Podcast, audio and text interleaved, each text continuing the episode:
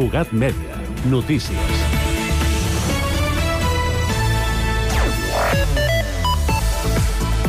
Bona tarda. Protecció Civil farà sonar aquest dimecres 40 sirenes de risc quimi del Pla Secat a 16 municipis del Barcelonès, el Baix Obregat i el Vallès Occidental. Tot i que Sant Cugat no està entre els municipis que formen part del simulacre, les tres sirenes que sonaran a Castellbisbal podran escoltar-se en alguns punts del municipi per la seva proximitat. Protecció Civil ha informat que la població que es trobi a prop de la zona d'audició també pot rebre l'alerta al telèfon mòbil, malgrat que no hi hagi cap sirena dins del propi terme municipal, com és el cas de Sant Cugat. La prova començarà a les 11 del matí. Bye. El Consorci del Parc Natural de la Serra de Collserola ha engegat aquest divendres un nou mandat que estarà marcat per l'emergència climàtica i per fer una gestió adequada de l'espai. L'ENS afronta aquesta etapa en un context de sequera greu i la gestió de gran afluència de visitants, que superen els 5 milions anuals de visites. En aquest sentit, les línies de treball inclouen la consolidació de projectes forestals sostenibles, la compatibilització d'usos i la recerca de noves formes de finançament. Durant l'acte, el president de l'àrea metropolitana de Barcelona i alcalde de Barcelona, Jaume Collboni, ha estat nomenat president del Consorci.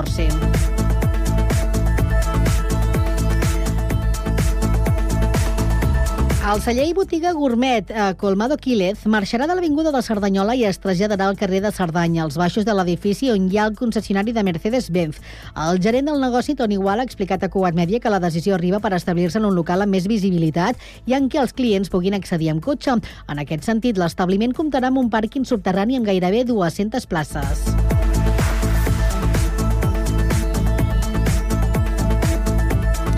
La 25a edició del CrossFit de Sant Cugat ha bufat les espelmes aquest diumenge amb una celebració on s'ha implicat a totes les escoles, clubs i entitats de cultura popular de la ciutat en una matinal plena d'atletisme al Parc de la Pollancreda.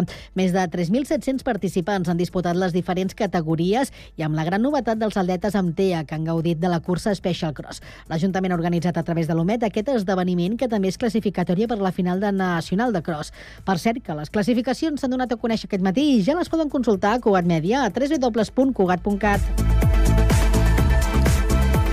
I el DCB Club Voleibol Sant Cugat ha necessitat només 3 sets per imposar-se al Santa Cruz Cuesta Piedra, un 0 a 3 que serveix perquè les santcugatenques es retrobin amb la victòria, ja que portaven 3 jornades seguides perdent. 20 a 25, 11 a 25 i 20 a 25 han estat els números de cadascun dels sets d'aquest partit corresponent a la setena jornada de la Lliga Iberdrola i que deixa les de Rafa Ruiz a la cinquena posició i les Canàries penúltimes a la classificació.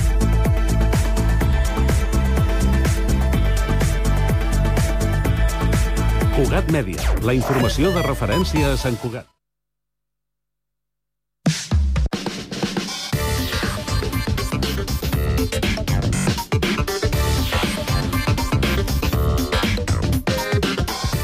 Cinc de la tarda, 3 minuts, inici de la segona i última hora del Connectats d'aquest dilluns. Informació de servei que comencem pel trànsit. Anem al Servei Català de Trànsit. Allà ens informa Eduard Sánchez. Bona tarda. Hola, què tal? Bona tarda. Doncs, de moment, a aquesta hora encara una relativa calma, després d'un parell d'accidents que hem tingut al migdia a la C55 i a la C60. En els dos casos ja tot resolt i trànsit ja fluid en aquestes dues vies i, com deia, per defecte a la resta de punts en general. Hi ha punts afectats per obres on sempre hi ha més eh, densitat, més latitud. Avui, per exemple, es nota una miqueta a la zona de Gurb de la C-17 en sentit sud, però vaja, més enllà d'això, i si més no, de moment, sense altres complicacions. És tot. Bona tarda. Gràcies i bona tarda. Anem ara fins al Transmet per comprovar com està funcionant el transport públic. Albert Garram, bona tarda. Doncs avui dilluns, primer dia de la setmana, on parlem de moment de normalitat a la xarxa de transport públic de l'àrea metropolitana. Tots els serveis de transport públic funcionen segons els horaris i les freqüències de pas planificades. Recordem, això sí, la línia R3 de Rodalies continua funcionant amb el servei alternatiu per carretera entre les estacions de Parets del Vallès i el Figaró, fet que provoca que els temps de desplaçament siguin superiors als habituals. De moment això és tot des del Transmet.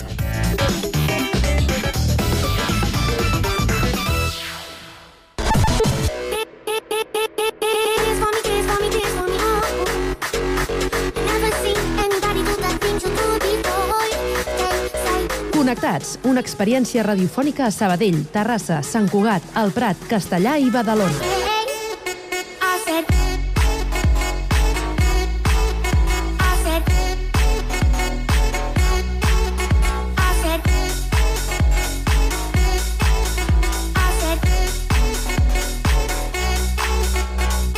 Connectats amb Carme Reverte.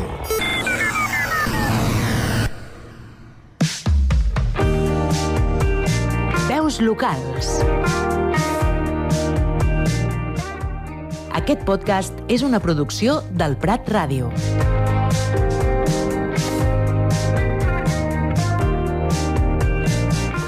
Un dels agents importants en un partit de futbol és l'àrbitre. Avui descobrim la figura d'un pretenc que arbitra la categoria de primera federació i també és quart àrbitre en partits de primera divisió. És un relat que coneixerem de la mà d'en Jonathan Marín, del Prat Ràdio.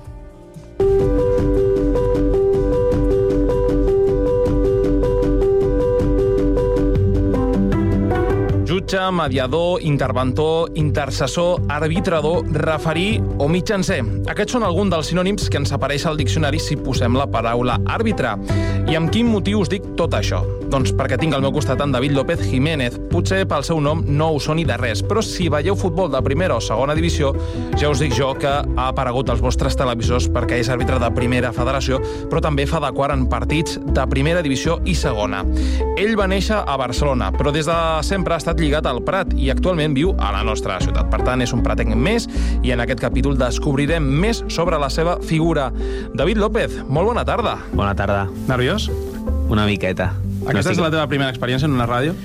Sí, no estic gens acostumat a parlar amb els mitjans. No? No. Bueno, abans de parlar de la teva part professional, explica'ns el teu lligam amb el Prat. Bé, el més important crec jo que és la, la família. El meu avi i la meva àvia van arribar aquí al voltant del 1970 perquè són de- són d'Andalusia, però van venir aquí buscant noves oportunitats i la meva mare eh, va arribar aquí amb 11 anys, quan les, els carrers del Prat no tenien ni, ni voreres, eh, que ella, ella sempre m'ho explica, i llavors, doncs bé, tota la meva vida eh, sí que és que he, viscut a, a Barcelona, a Sants, però tota la meva vida he estat molt lligat a, a aquesta ciutat. Per exemple, he començat a anar a bicicleta al Parc Nou, eh, les fires de, de Reis cada any les veníem a veure aquí, al Prat, i bueno, també vaig estar sis anys jugant al, a l'AE Prat i, i llavors eh, tinc moltes amistats, família, al final molts moments viscuts aquí en aquesta ciutat i ara des de fa dos anys eh, estic vivint aquí al Prat i la veritat és que estic molt, molt content de- d'haver vingut a viure aquí, estic molt a gust. Comentaves ara això del futbol. Vas arribar... Bueno, vas jugar al Prat, vas arribar al primer equip. Com recordes la teva etapa com a, com a futbolista? I, i explica'ns quina posició ocupaves. Jo jugava de migcampista, eh, un migcampista bo tàcticament, eh, no era, era bastant bo amb la pilota. I... Busquets. Busquets. Bueno, sí, però no, no tan bo amb la pilota. Però bueno, sí, una, una cosa així, intel·ligent, jugant intel·ligent, eh, i, i bé, jo he acabat sent àrbitre perquè jo tinc un amor incondicional per la pilota, pel futbol, des de ben petit recordo eh, jugant al carrer i mm, l'etapa de futbolista va ser molt, molt maca i, i al final eh, tinc molts, molts bons records, en, en, en especials doncs, bueno, els moments de vestuari amb els companys i de més, és una miqueta el que, el que eh, més trobo a faltar de, del futbol. Però tu, quan jugaves a futbol, tenies en ment eh, ser àrbitre? Ja passava per al teu cap quan tenies, no sé, 12-13 anys? No, jo quan tenia 12 o 13 anys el que volia era ser futbolista, bueno, sempre eh, tenint clar que era molt difícil, però sempre eh, el somni és de, de, de ser futbolista. Quan més quan em vaig fer una mica més gran, eh, em va començar a sortir la, la, la curiositat de, per aquesta figura, per la d'àrbitre, i, i per un company de, de l'escola que es va, un estiu es va, es va fer àrbitre, doncs, eh, cada cap de setmana ell arbitrava, jo jugava, i quan arribàvem dilluns doncs, ens explicàvem les, les experiències i em va començar a despertar molta, molta curiositat al, al món de l'àrbitre i de seguida em vaig apuntar a fer el curs per ser àrbitre. Eh, eres molt passat de jugador amb l'àrbitre? Eh, depenent, eh, sí, de, depenent del partit, però bueno, sí, no, no, era, no, no era un jugador fàcil de portar, jo crec. Eh, Creus que el fet d'haver jugat a futbol t'ajuda a l'hora d'arbitrar? En el meu cas, jo crec que sí, totalment. Eh, crec que a mi em va ajudar molt a entendre, a entendre el joc, a, a entendre certs comportaments de, de jugadors, a, a comprendre també les, les emocions al camp. A vegades doncs, eh, eh, tothom... La, quan has jugat a futbol saps que a vegades doncs, reacciones d'una manera eh, irracional o demás, llavors tens una miqueta més de comprensió i sobretot a l'hora de, de portar els jugadors crec que ajuda bastant i, i, i d'entendre el joc crec que m'ha ajudat i m'ajuda a, a poder portar el partit d'una manera més tranquil·la uh -huh. i, i a poder entendre millor el joc. I a col·locar-te, per exemple, en algunes posicions del camp, no sé si això t'ajuda a veure una miqueta per on va la jugada i intentar estorbar el menys possible.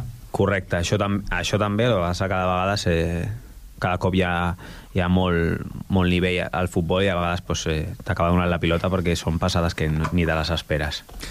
Ara et faré una pregunta més a nivell personal, um, per la teva experiència professional. Uh, quines creus que són les claus que ha de tenir un, un àrbitre per fer un arbitratge?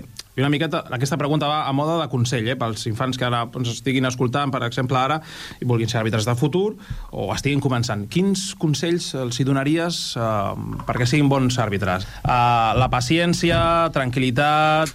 Crec que bueno, una qualitat principal que ha de tenir un àrbitre és tenir decisió perquè al final eh, el que després eh, tothom veiem al, al televisor o després en vídeo 20 vegades, tu tens un segon, has vist la jugada i has de, has de prendre la decisió en aquell moment sota saber treballar eh, bastant sota pressió, perquè les decisions que has de prendre eh, pues, tenen eh, influència en, en, en la resta de persones i crec que això és, és bàsic, una bona capacitat de decisió en, en moments amb, sota pressió. Crec que és, que és una qualitat molt, molt important.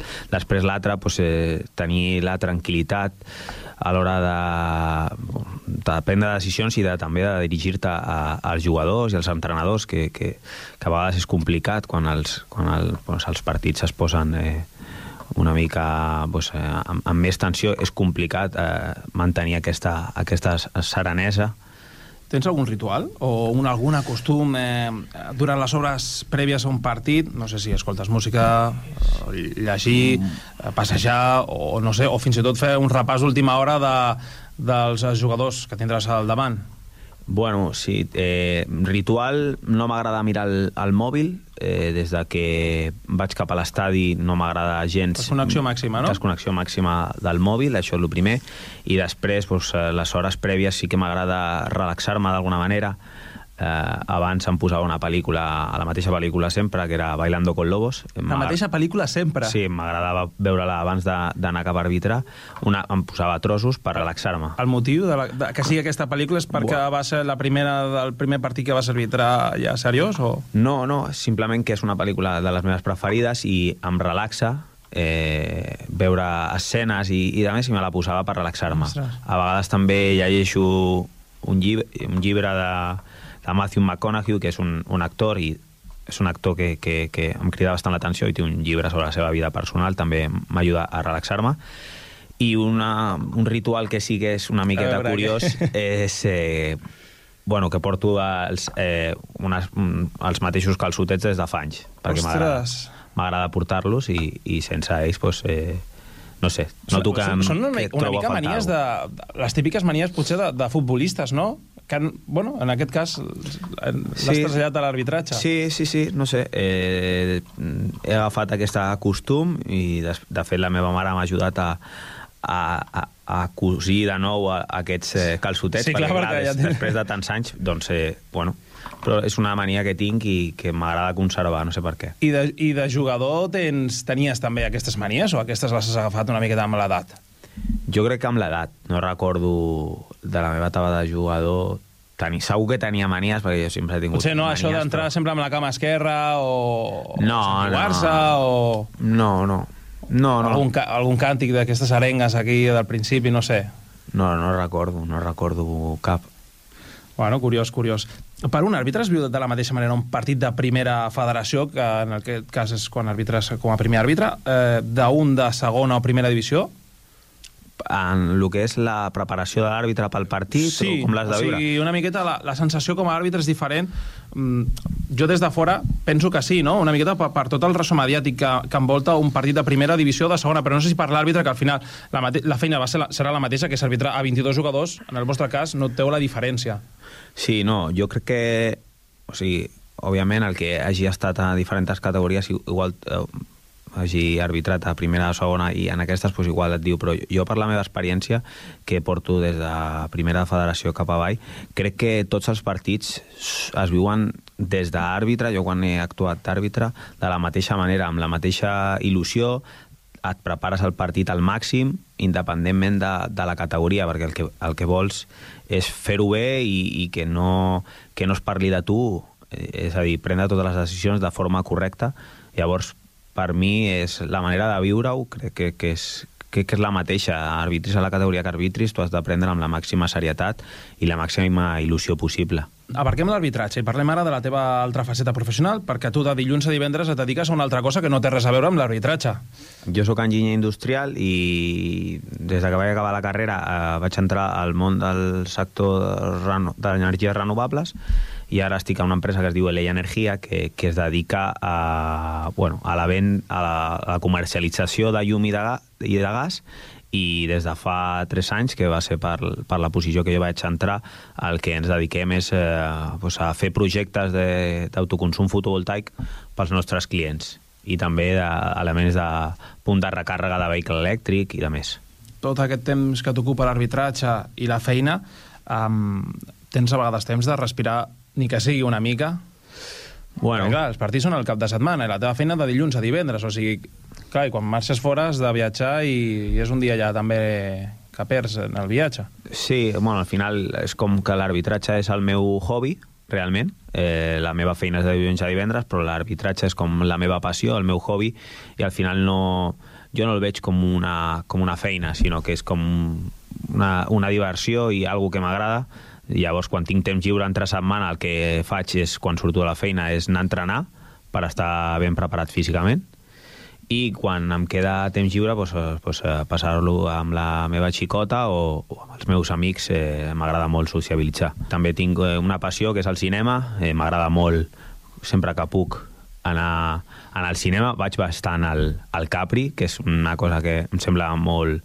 és una, un punt fort de, de la ciutat i és conservar un cinema com el, com el Capri, que conserva eh, l'originalitat d'un cinema antic i, i de més eh, m'agrada molt anar, a més visca molt a prop i bueno, aquestes serien i llegir també m'agrada bastant mm -hmm. A veure, si m'haguessis de recomanar perquè has comentat de, que t'agrada llegir eh, abans dels partits, um, comentaves, comentaves aquest llibre de Matthew McConaughey um, quin llibre recomanaries?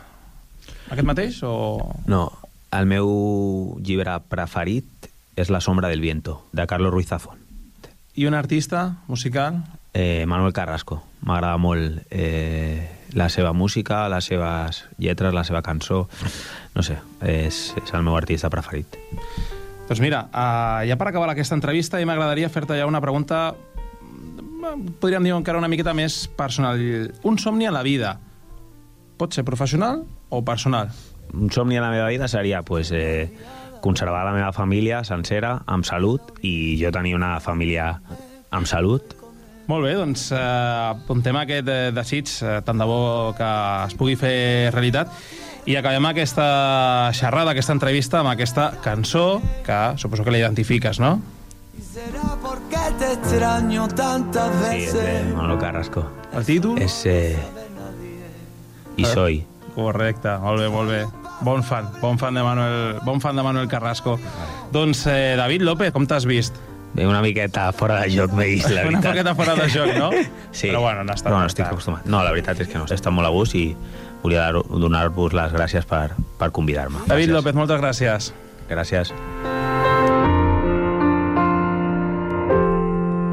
Cada vez que estoy contigo me acompaña la sonrisa.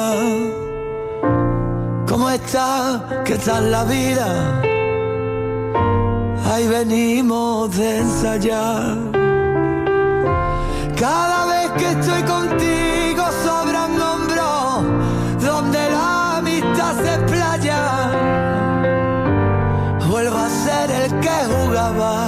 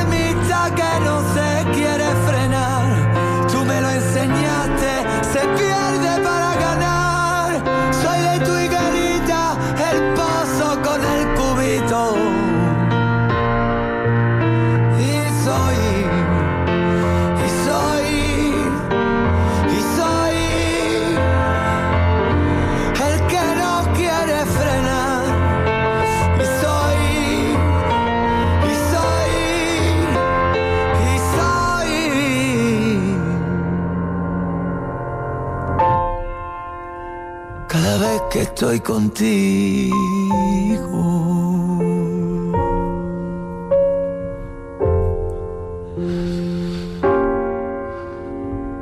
Soy.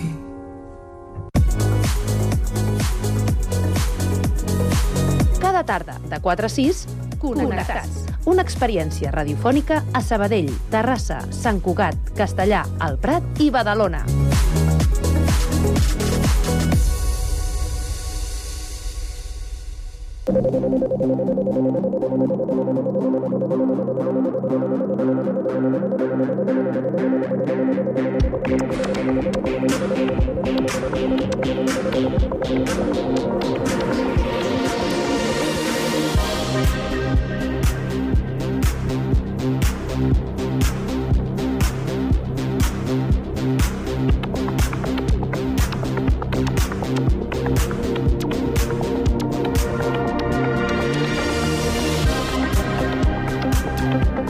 L'Associació de Dones Directives Empresàries i Professionals del Vallès es prepara per la celebració de la cinquena edició de la nit dels Premis AD Vallès. La cita del pròxim 24 de novembre servirà per lliurar quatre guardons per reconèixer la constància, la creativitat, un home amb valors ADE i l'honorífic. Ens acompanya la Mònica Blasco i la Cristina Roniz, presidenta i vicepresidenta, respectivament, d'aquesta entitat a les dues. Bona tarda, com esteu? Bona tarda, Carme. Una mica estressades, però molt contenta de que nos des l'oportunitat.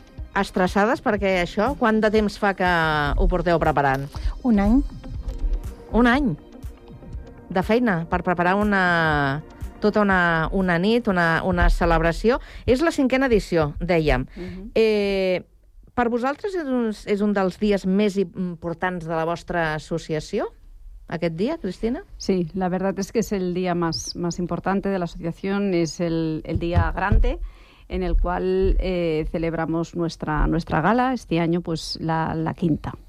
Mm. ¿Y cuántas personas espereu? Pues alrededor de unas 225, 250 personas aproximadamente. Puede ser que una, un poquito menos, un poquito más, por ahí, por ahí. Aprox. Qui acostuma a participar en una celebració d'aquestes? Bueno, al principio, sobre todo, lo más importante es que vengan las socias, que es la base por la, que, por la cual hacemos los, los premios. Eh, intentamos que el mensaje haya llegado eh, totalmente a, los hombres que las acompañan, que son sus parejas, sus mm, hijos, eh, no sé, la sociedad en general y sobre todo vienen ahora desde hace ya, desde la primera edición, nos apoyan los diferentes ayuntamientos y las distintas instituciones, como pueden ser PIME, con las, o las diferentes cambras, las áreas metro, el área metropolitana, la Diputació i los distintos ayuntamientos que conforman el, el Vallès. I, per tant, espereu VIPs en aquesta celebració, representants de totes aquestes institucions? Sí, eh, bueno, la verdad es que se ha convertido, yo creo que en un acto referente y, y social aquí en, en San Cugat. Van a venir, eh, bueno, pues la, mayor, la mayoría de los alcaldes de tanto de, de San Cugat, de, de, las diferentes poblaciones de, de aquí del, del Vallés. Eh, luego también vienen también los presidentes de diferentes eh, patronales, de, de, las Cambras, de Sabadell, de, de Tarrasa y bueno, lo que comentaba Mónica, ¿no? Pues sobre todo nuestras, nuestras socias y nuestros premiados de, de este año. Uh -huh. Els premis es lliuren en el marc eh, d'un sopar que es farà a la Masia Casa Fuster. Eh, expliquem una mica com serà aquesta celebració.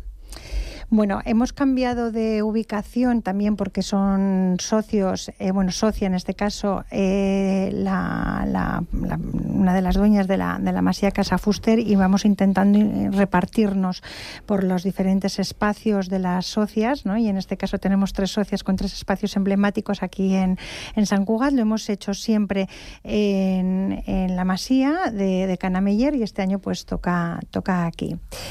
Y, y, bueno, lo que intentamos es hacer un acto festivo, algo, un, un, evento, una cena de gala que, la, que los invitados y las socias compartan, que haya un buen networking, que, que sea un ambiente, en un ambiente distendido. Es un viernes, con lo cual ya es un viernes que ya hemos acabado la semana, al día siguiente no tenemos que, que trabajar. Y lo que empezaba siendo que a las 11 de la noche las personas se iban, aquí en esta fiesta, eso es la una y pico, y, y decimos, bueno, es que no tenéis casa, ¿o qué? I, I escolta una cosa, hi ha alguna novetat respecte de les anteriors edicions? Bueno, es que en, el, cada... en el format. Es que cada año cambiamos los, los formatos, ¿no, Cris? Sí, cada año cambiamos un poquito los formatos, lo que pasa que es un poco sorpresa.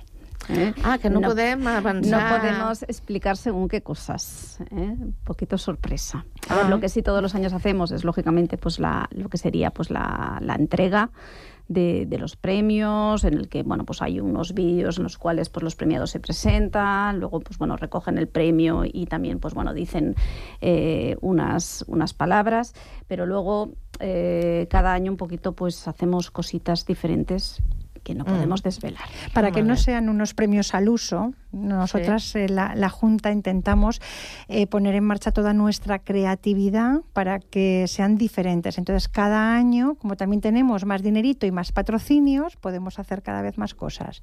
Dentro de las posibilidades que tiene una asociación sin ánimo de lucro con una cuota de 100 euros por socia, que no es mucho porque la trabajamos toda esa cuota todo el año, procuramos hacer, pues, dentro de nuestras posibilidades, algo simpàtico, divertido, familiar, cercano, que la gente esté a gusto. I que no podem desvetllar, que no podem explicar. El que sí que podem explicar eh, són eh, els, els premis i qui s'ha fet eh, eh, un guanyador o mereixedor d'aquests guardons que, que lliurareu el dia 24 de novembre.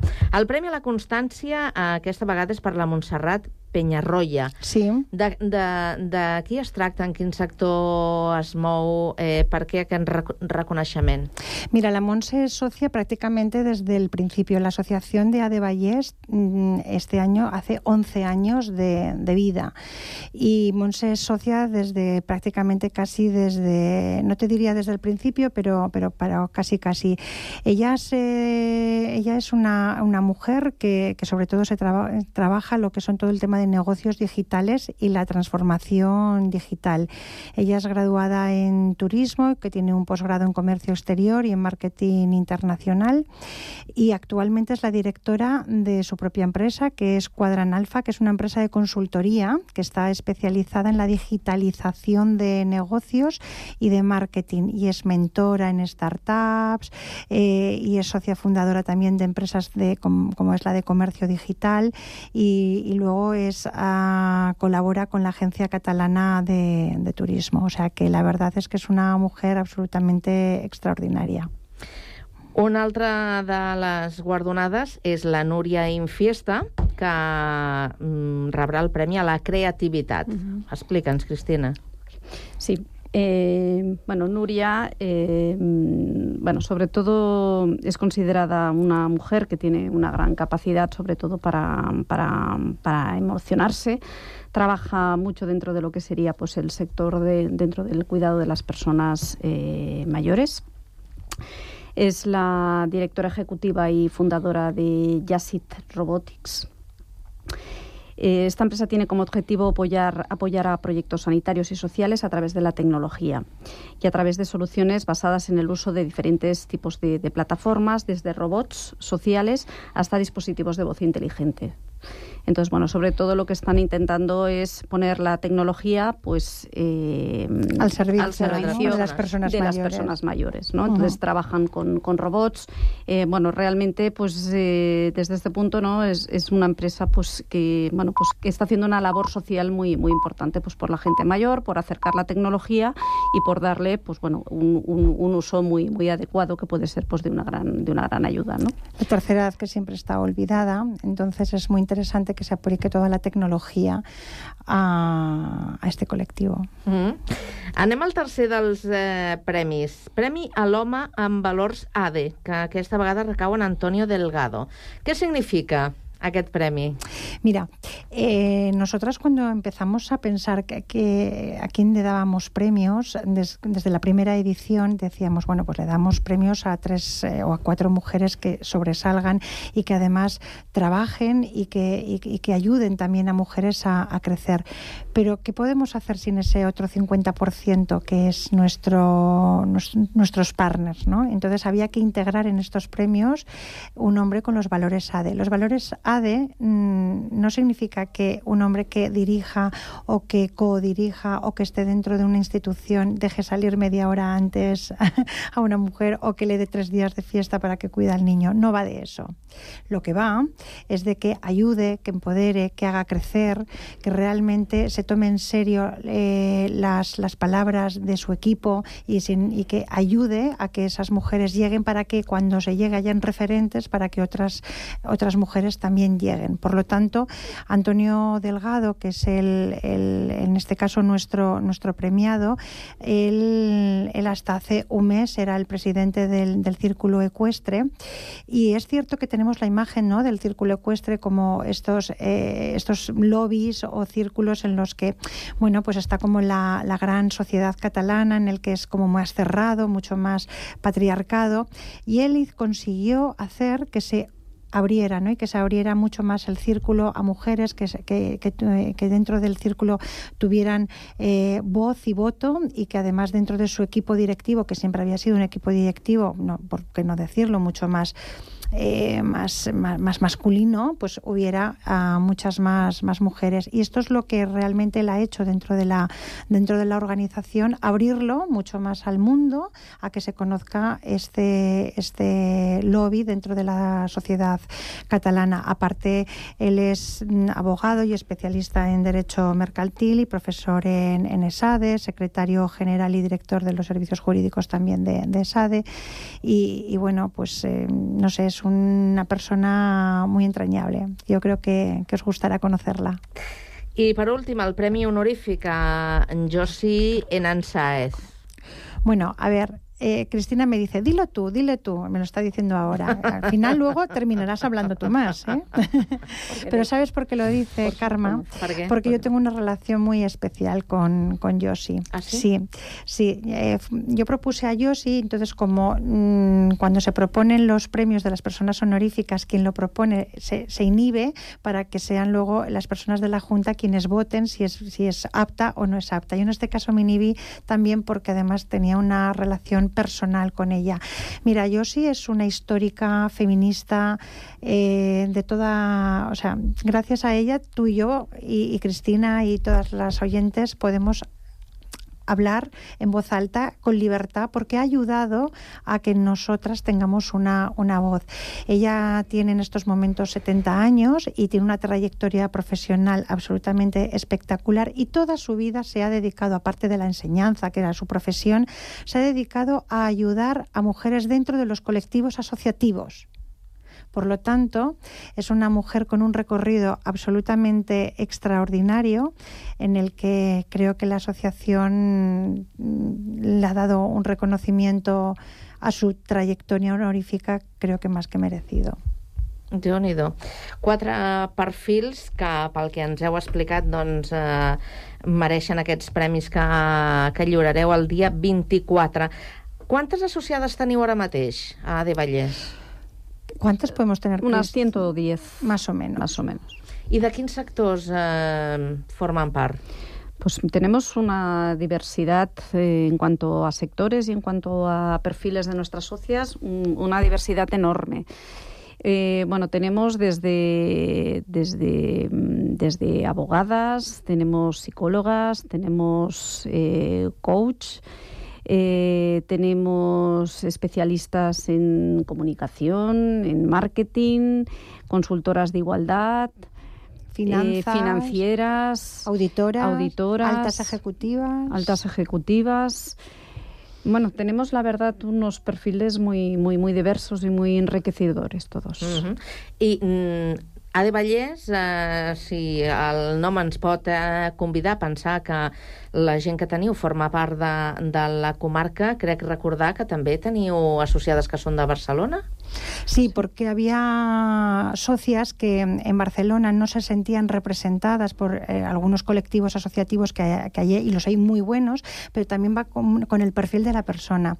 Eh, nosotras siempre decimos que tú te tienes que asociar a una asociación en la que tú te sientas identificada, que eso no significa ni que sea ni mejor ni peor, porque a lo mejor la nuestra no es la adecuada para, para otra. Eh, tú te tienes que sentir como que tus valores están alineados con esos otros valores. ¿no? Entonces, claro, tuvimos que ampliar estatutos para que pudieran venir eh, mujeres de, de Barcelona a nuestra asociación y es muy chulo. Abans ho deies, Mònica, és la onzena edició. L'any passat va ser una edició especial perquè coincidia amb el desè aniversari, que ja és un, és un aniversari que ja, ja parla del recorregut, eh, de la consolidació d'una entitat com, com la vostra. Com eh, veieu eh, Ade Vallès en un futur? ¿Cómo la ves tú, Cristina? Pues yo la veo siento cada vez eh, te, más importante dentro de, de, las asociaciones de mujeres directivas y empresarias. Con una buena reputación, cada vez tenemos eh, más socias, eh, cada vez un poco lo que comentaba antes Mónica, ¿no? Cada vez las, las socias se sienten más a gusto, cada vez ¿no? están como más, más unidas. Eh, cada vez también comparten negocios, proyectos, que te vas enterando que entre las socias van haciendo proyectos compartidos. Creo que somos un referente de asociación de, mujeres aquí en, en, en, San Cugat, cada vez más también en todo, en todo el, el Vallés. Y cada vez estamos haciendo proyectos más, más importantes, más interesantes. También desde la asociación, pues eh, intentamos eh, bueno, pues repartir los proyectos y que sean nuestras socias realmente las que las que realicen y ejecuten esos esos proyectos. Eh, estamos dando más visibilidad cada vez más a las socias, potenciando pues eso, la igualdad en el mundo tanto en el mundo empresarial laboral como a nivel social. Y, bueno, creo que, que, estamos creciendo y que estamos eh, desde la Junta muy contentas de estar donde estamos y de seguir en, en un futuro en, en ese camino. Un camino de crecimiento. O sea, yo lo situaría en eso, en un camino de crecimiento y siendo un puntal de referencia para, para, las diferentes instituciones y para los distintos ayuntamientos que cuando quieren hacer ponencias, mesas redondas o te llaman de las diferentes radios, como es la vuestra, o las diferentes eh, televisiones, pues nos, nos llaman pues porque necesitan perfiles como, como los que te ha dicho antes Cristina, porque tenemos muchos allí dentro. Doncs, eh, senyores Mònica, Cristina, que vagi molt bé aquesta celebració, la cinquena nit dels Premis AD Vallès i 11 anys ja de, de vida. Segurament que teniu molts més per complir. Que vagi molt bé. Gràcies, Carme, per l'oportunitat. Gràcies. Bona tarda. Gràcies. 24 de noviembre, la Masia Casa Fuster a les 8 del vespre. Encara hi ha oportunitat sí. per I apuntar-s'hi. tant, www.advallès.cat. Gràcies. Bona tarda.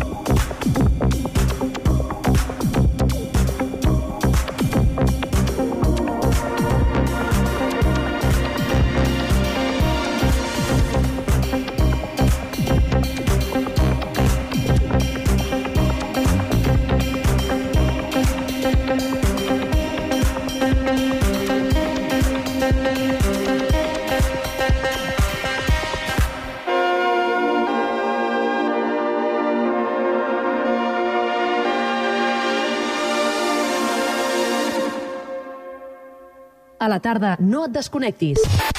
A la teva ràdio local, connectats. Can't touch this. You can't touch this.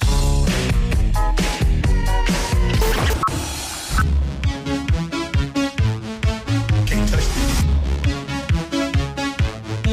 Can't touch this. Connectats amb Carme Rebete.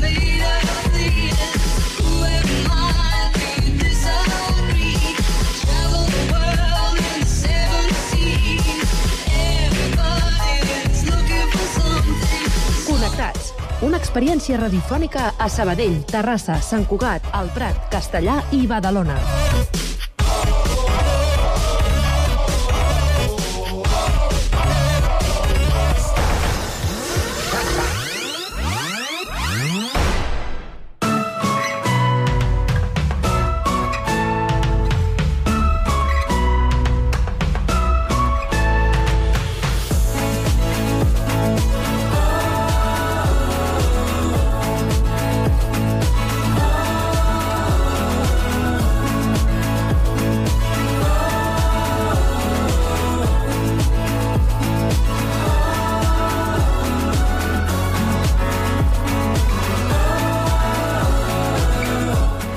L'Espai Batúlia de Badalona acull l'exposició Joguets i Escriptors. En parlem amb el gerent de l'exposició, Julià Guillamont. Bona tarda, Julià. Hola, no sóc el gerent, sóc el comissari. El, co- ah, perdona, sí, és veritat. El comissari és el... Sí, ser el gerent sona molt econòmic i no és el cas. Tot, tota la raó del No passa món. res. Tota la raó, disculpa. Eh, Julià, eh, ara de seguida deixa'm que saludem a la nostra companya, la Andrea Romera, que també la tenim a punt als estudis de Ràdio Ciutat de Badalona. Sí. Andrea, bona tarda. Molt bé. Bona tarda, Carme, i bona tarda, Julià. Bé, doncs, Bona tarda.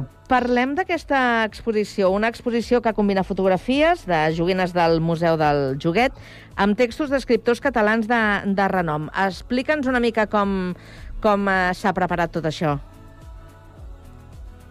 Doncs mira, jo mm, eh, em dedico a coses de cultura sempre, sóc crític literari, escriptor, i, i des de fa molts anys que em vaig fixant en els joguets que apareixen en les obres literàries perquè en surten moltes, a vegades no, no som conscients, no? Mm. I, i sempre he anat, sempre m'ha cridat molt l'atenció això, de ve- veure que els escriptors, que a vegades la gent es pensa que són senyors molt seriosos i molt això, eh, doncs fan... Eh, han sigut nens també i han parlat de, de, de la seva infantesa i, i moltes vegades parlen de joguets i sovint d'una manera molt divertida. I, I aleshores, doncs, eh, bueno, a partir de a partir d'aquí vam, vam començar a fer aquest, aquest eh, projecte. Mm -hmm. eh, dic que no són eh, joguines eh, de, reals de, dels autors, però que sí que són joguines reals, és a dir, o, o, o rèpliques, no? Ho dic perquè la gent no intenti Sí. relacionar... El museu... Sí, el Museu del Joguet de Catalunya, Figueres, té una col·lecció extraordinària de joguets. Aleshores, eh, jo vaig com primer triar els textos i després vam anar buscant. Alguns sí que són autèntics, eh? Per exemple, el Joan Brossa, que era molt amic del, de la gent del museu, Mm. va donar tots els seus joguets en, en el museu. I llavors, per exemple, els del Joan Brossa sí que són del Joan Brossa. Mm, val. Uh, però d'altres són, són joguets que són senzillament de la mateixa època. Per exemple, als anys 30 es va posar molt de moda una, una nina que es deia Lency, però molt de moda, arreu del món. Es feien a Turí. Aquestes nines eren unes nines de, de molta qualitat. Aleshores, aquestes nines no només eren per, la, per les nenes o per la canalla, sinó que també les tenien la gent gran. Les, les noies eren nines per, per noies.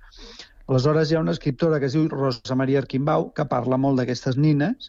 Jo us hem associat una nina preciosa del Museu del Joguet amb el text de la Rosa Maria Arquimbau. Llavors aquest joc és el que anem fent sempre Mm. en tota l'exposició. Sí, sí. En l'exposició que es pot veure a l'Espai Batúlia, Julià, la majoria són fotos no, d'aquestes joguines. Hi ha alguna joguina real també que es pugui veure en l'exposició? Sí, sí, sí, ja tenim algunes, algunes joguines reals. La, a mi el que més m'agrada, perquè era de quan jo era petit, uh, eren, són una col·lecció de, de cotxets francesos d'una marca que es deia Noref, que eren uns joguets de plàstic preciosos. I hi ha una vitrina on juguem amb, aquest, amb aquests cotxes per explicar una idea que a mi em té molt preocupat, no? que és que avui en dia els cotxes són molt tristos de color. Tu no, no t'hi has fixat Sí. en això? Tots són negres, grisos, metal·litzats, blancs... Eh, És tot com una tristesa. En canvi, si mires fotos dels anys 60, els cotxes són carbasses, vermells, grocs, verds, blaus... Llavors, aquests cotxets Noref, aquestes miniatures, reflecteixen, com que són dels anys 60, reflecteixen aquesta varietat de colors que tenien els cotxes dels anys 60.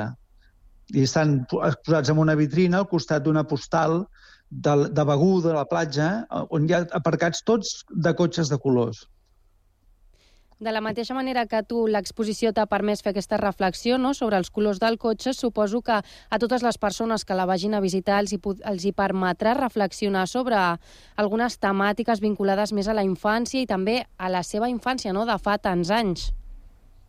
Sí, hi ha, hi ha diguem-ne, hi ha bastantes coses que fan pensar, perquè jo, a mi m'agrada burxar una mica, no? Per exemple, una cosa que és sorprenent és eh, que moltes vegades les escriptores expliquen que no els agraden les nines. Perquè, suposo que perquè és, una, és un model de feminitat mm, imposat, no? I, i, i aleshores et, trobes mm, sovint amb això. Per exemple, la Mercè Rodoreda o la Víctor Català. I després tenim una, una peça que és molt bonica, una fotografiada manera estupenda, que és un vestit de la primera col·lecció de Barbie dels anys 50 associat amb un text de la Montserrat Roig. No? I el, la Montserrat Roig, el text aquest diu les, les noies o les senyores hem de ser eh, treballadores, eficaces, mm, eh, hem, hem de resoldre els problemes de casa i, a més a més, estar guapes. Llavors, d'alguna manera, l'exposició també té aquest vessant crític. Fins i tot, ara que comentes això, les noves generacions, que potser no ens podem sentir tan identificades amb aquestes joguines, potser dels anys 60, sí que ens pot portar a reflexionar Sí. sobre altres aspectes, com, per exemple, pensem no, que tot això de trencar amb la feminitat és una cosa molt nova, que estem experimentant per primer cop aquestes noves generacions, però, com bé deies, ja des de fa molts anys, escriptores ja en parlaven d'aquest tema. Sí, sí, totalment. És, és a dir, t'adones, per exemple, a Víctor Català li regalen una nina a principis del segle XX. Uh, I aleshores mai li agrada la nina, no, no, la troba que és un mort i que no li, no li agrada. I llavors acaba el conte dient, les, me- bueno, explica com, com acaba destruïda aquesta nina, perquè hi ha un tema que és molt interessant, que és els nens que trenquen els joguets, perquè és la seva obligació, no? Vull dir, els nens juguen i, i fan malbé els joguets, no? I aleshores explica que aquestes nines van acabar fetes malbé i aleshores diu, però el, el joguet més estimat meu en realitat van ser els gats. O sigui que li agradaven mm. més els gats que no pas les nines. bueno, hi ha moltes paradoxes d'aquest tipus, o moltes històries d'aquest tipus al llarg de l'exposició. És molt suggerent. Tota la tria i la combinació de textos i imatges intentem que remogui coses. I, Julià, quin criteri s'ha seguit per escollir aquests textos, per fer la tria? Mm, Bé, el criteri ha sigut molt personal perquè he anat triant jo el que a mi m'ha semblat dintre del que hi havia, perquè tampoc no és un món infinit, no? I després, per no crear, diguem-ne, greuges comparatius entre els autors, hem buscat sempre que fossin clàssics i que fossin autors que fossin morts, diguem-ne, no? Per no ficar, has ficat aquest i no has ficat aquell i tot això, no?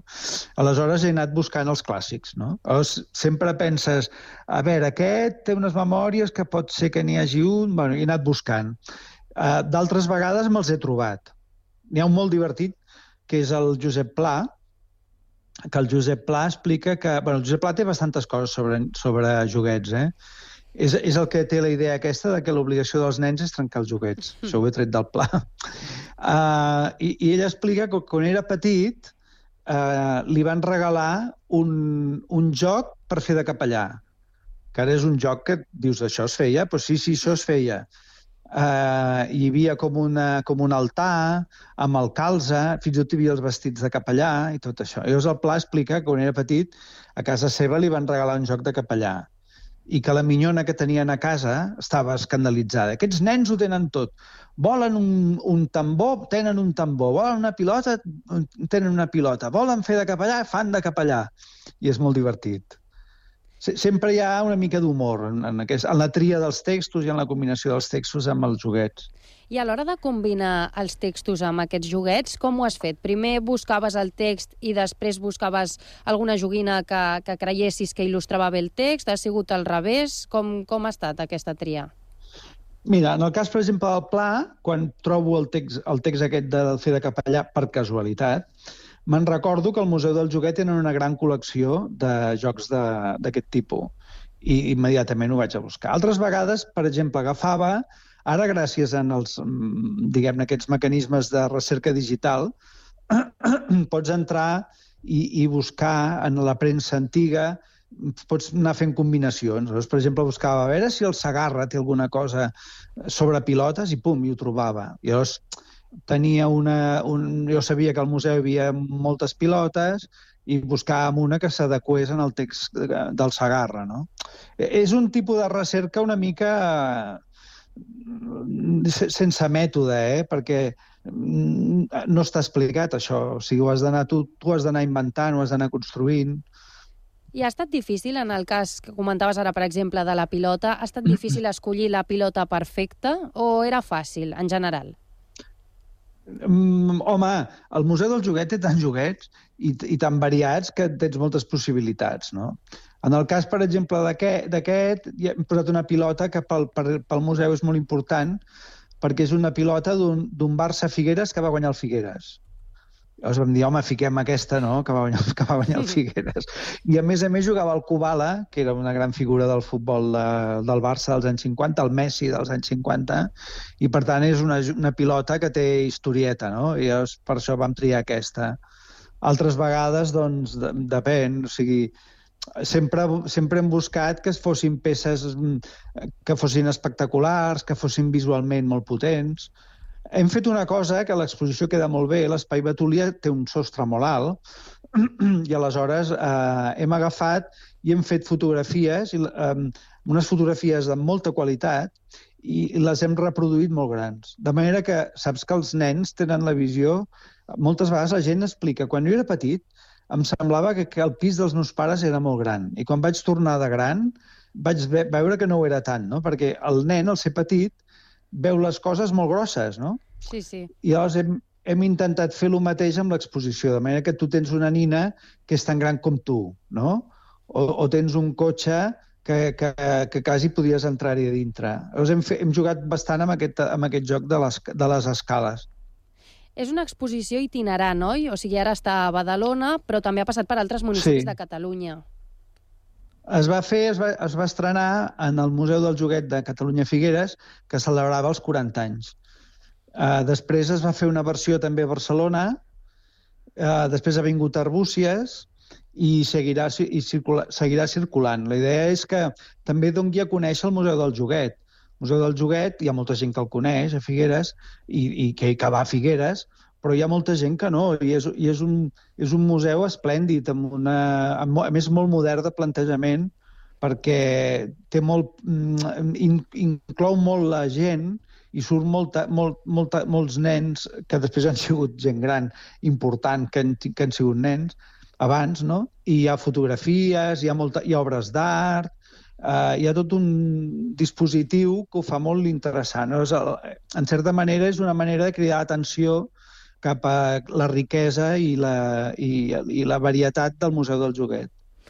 Julià, abans de, abans d'acomiadar-nos, sí que m'agradaria saber, a partir del dia 19 de gener, que és eh, quan acaba aquesta exposició a, a Badalona, eh, sabeu on, Sí. per on continuarà?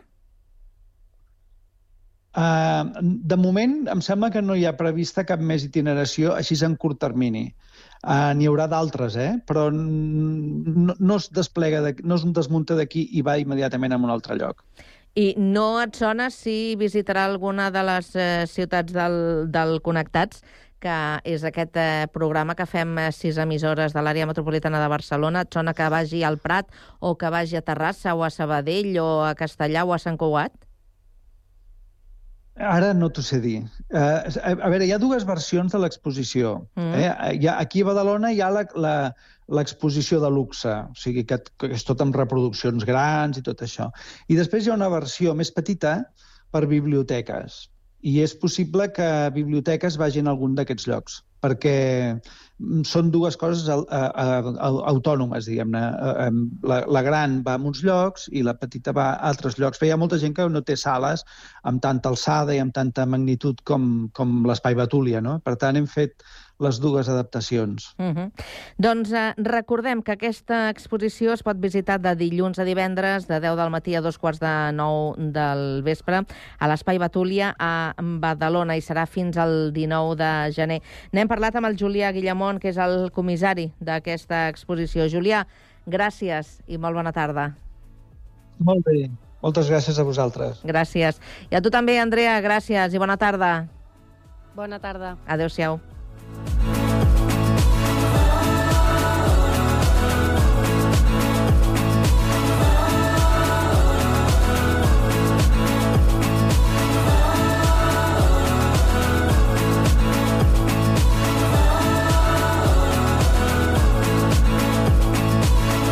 Res més, aquí acaba aquesta edició de dilluns del eh, Connectats, eh, emplaçant-vos a la cita de demà a partir de les 4 i 3 minuts.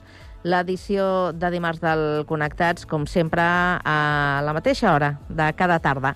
Gràcies a tots, acabeu de passar molt bona tarda.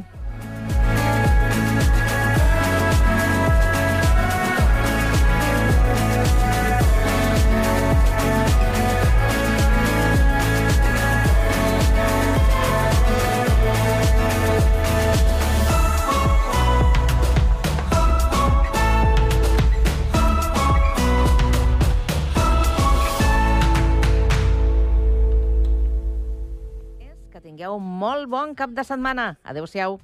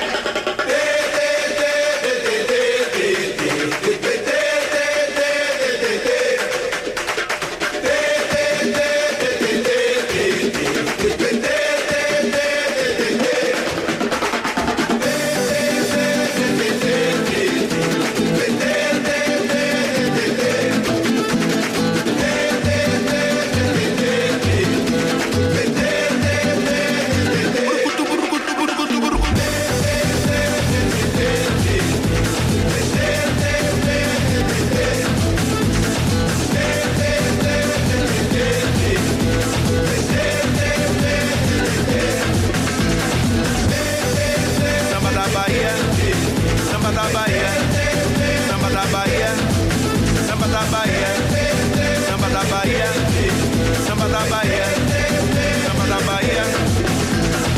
Ave Maria nega bebê, você sabe o valor do djembe. Você tem a mão calejada, você sabe fazer feijoada.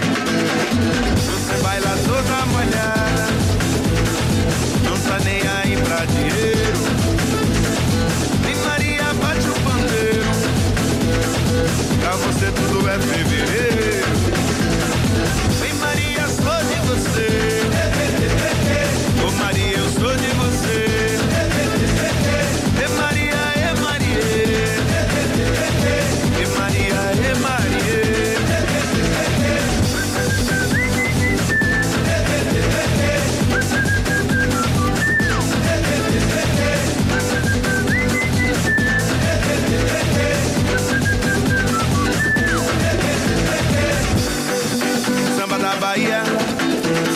Bahia, samba da Bahia, samba da Bahia, samba da Bahia, samba da Bahia, samba da Bahia, samba da Bahia, samba da Bahia, samba da Bahia, samba da Bahia, samba da Bahia, samba da Bahia, samba da Bahia,